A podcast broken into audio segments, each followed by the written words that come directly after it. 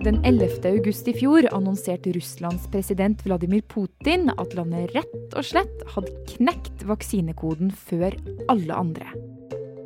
Russland hadde funnet opp ei vaksine mot korona. Og ikke overraskende nok fikk den navnet etter verdens første menneskeskapte satellitt, nemlig Sputnik. For nok en gang så skulle russerne være først. Men vaksinesputniken fikk ikke den stående applausen som Putin kanskje hadde håpa på. For det var nesten ingen som ville ha den. Før nå. Hvorfor vil mange land nå plutselig ha Sputnik-vaksina? Du hører på Forklart fra Aftenposten, og jeg er Marit Eriksdatter Gjelland. I dag er det torsdag 14. januar. Ja, da denne vaksina kom i august, så var veldig mange skeptiske, eh, og det var gode grunner til det. Men nå har altså over 50 land sagt at de er interessert i den russiske vaksinen. Eh, det er satt over 1,5 millioner doser, og det er meldt om lite bivirkninger. Så spørsmålet blir jo da om man undervurderte den russiske vaksinen. Helene Skjeggestad, du bor i Russland og er Aftenposten sin korrespondent der. Hvordan ble denne vaksina plutselig så populær? Ja, For å forstå det, så må vi tenke tilbake på i vår, da det begynte å gå opp for eh, verdens statsledere alvoret i denne koronapandemien. Over hele verden arbeider forskere på spreng for å få på plass gode vaksiner. Samtidig så ble det ganske tydelig at de store maktene i verden som Kina, EU, USA og òg Russland så eh, hvordan en eh, godt fungerende vaksine kunne bli brukt til å sikre geopolitisk makt, eh, og særlig tre ulike felt ble viktige. For det første så lå det selvfølgelig masse prestisje i å være første land ut. For det andre så var det gunstig med tanke på penger for det landet som fikk vaksina først, kunne åpne samfunnet igjen og sånn sett få i gang økonomien sin før resten av verden. Og så for det tredje var det makt. For det landet som først hadde ei vaksine, kunne bruke den til å få vilja si i f.eks. andre saker. Så i sommer venta hele verden spent på hvem som skulle være først ut med ei vaksine. Og så den 11. august da, så kom den første beskjeden. Russland hadde registrert den aller første koronavaksinen. Насколько мне известно, сегодня утром зарегистрирована, впервые в мире зарегистрирована вакцина против новой коронавирусной инфекции.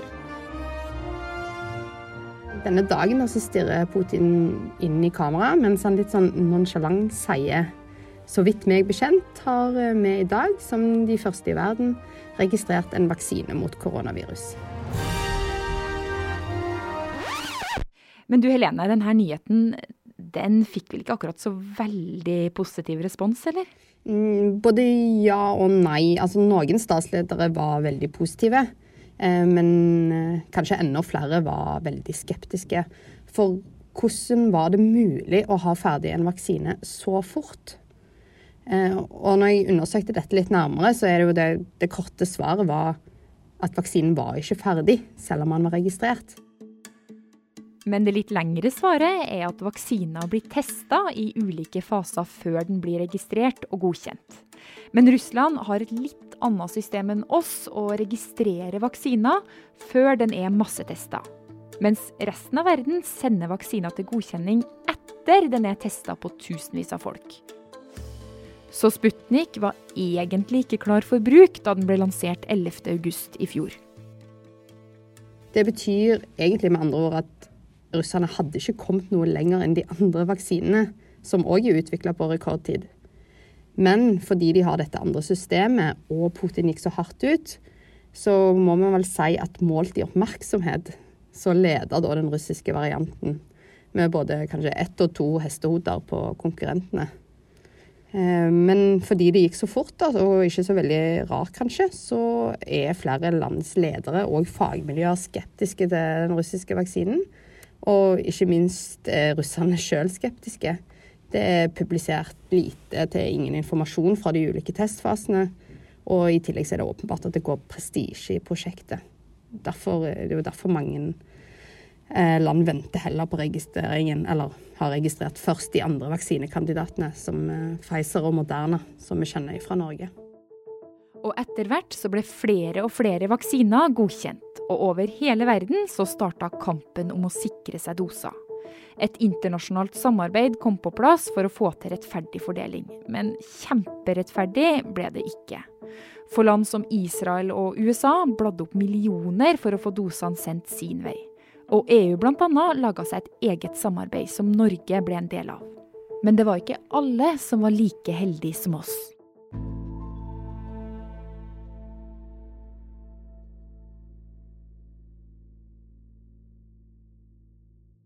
Over hele verden så har smittetallene steget den siste tida. Sykehusene fylles opp, og mens noen land er i god gang med å vaksinere befolkninga si, så fører mangel på penger og internasjonale avtaler til at andre sliter med å få tak i vaksiner.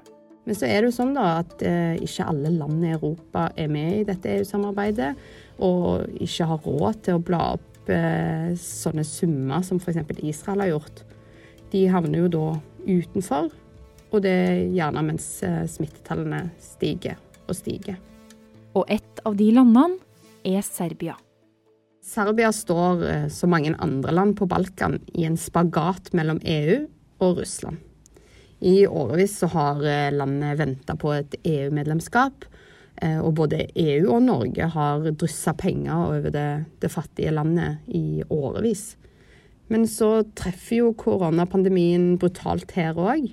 Eh, landet har nå over 350 000 smitta eh, og over 3600 døde. Og som eh, mange andre land på Balkan så føler de seg oversett av EU. Og jeg har sett at disse landene bruker eksempler med Titanic når de skal beskrive hvordan de føler det. Og for da Titanic traff isfjellet, så sikra de rikeste seg en plass i livbåtene. Og de fattige, de fikk ikke plass. Og livbåtene i dette tilfellet, det er vaksinene.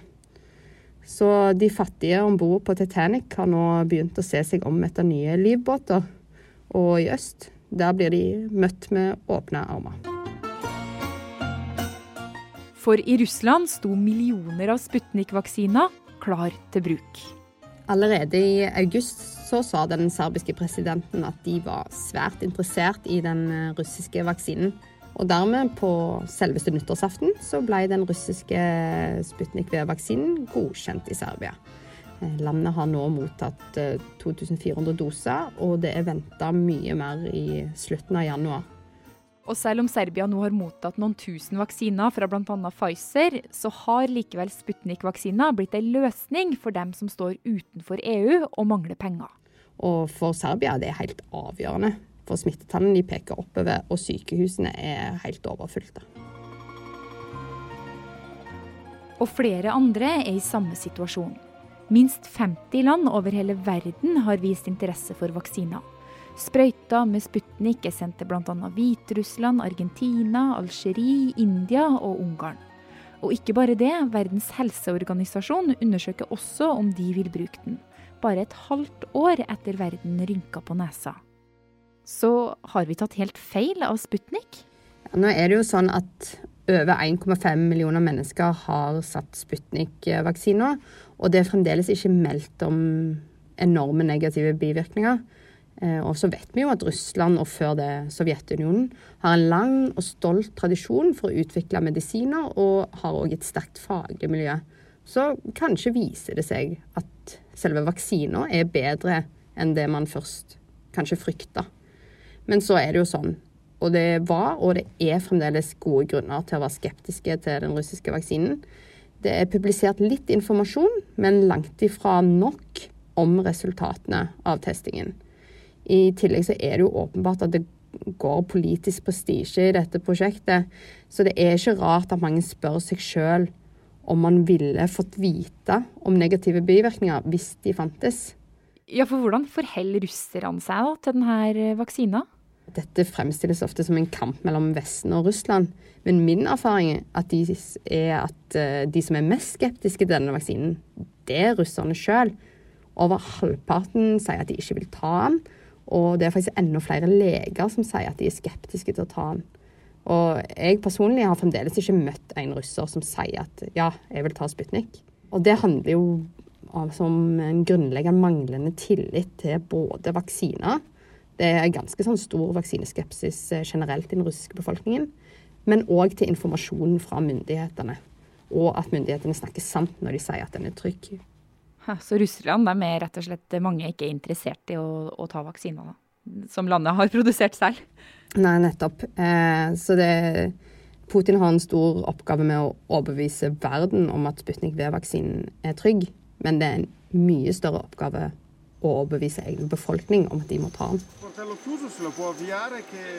På en fabrikk i Italia blir tusenvis av små glass gjort klar for å bli fylt med Sputnik-vaksiner før de blir sendt rundt i hele verden.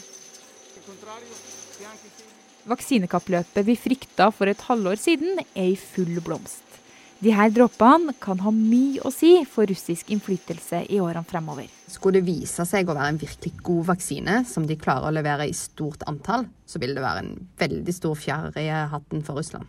Ja, På hvilken måte er det viktig for Russland?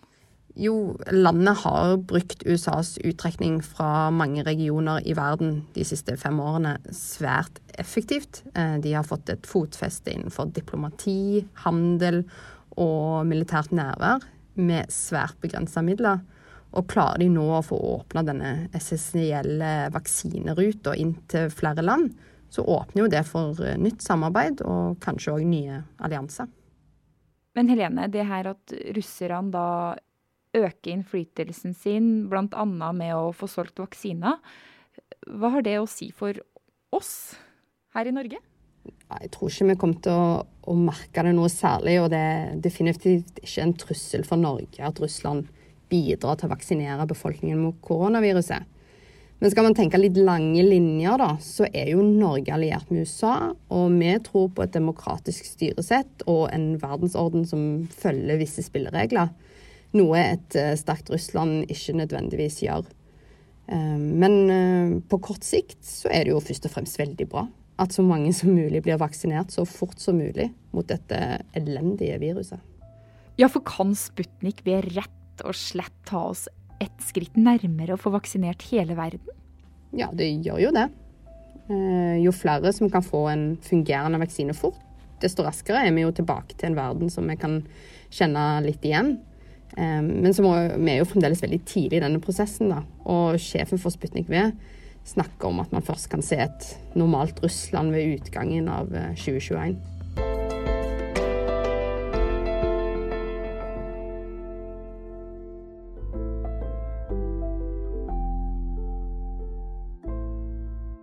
Denne episoden var laga av produsent Ina Swann og meg, Marit Eriksdatter Gjelland. Resten av Forklart er Caroline Fossland, Anne Lindholm og David Vekoni. Du har hørt lyd fra nyhetsbyrået AP og Russia Today.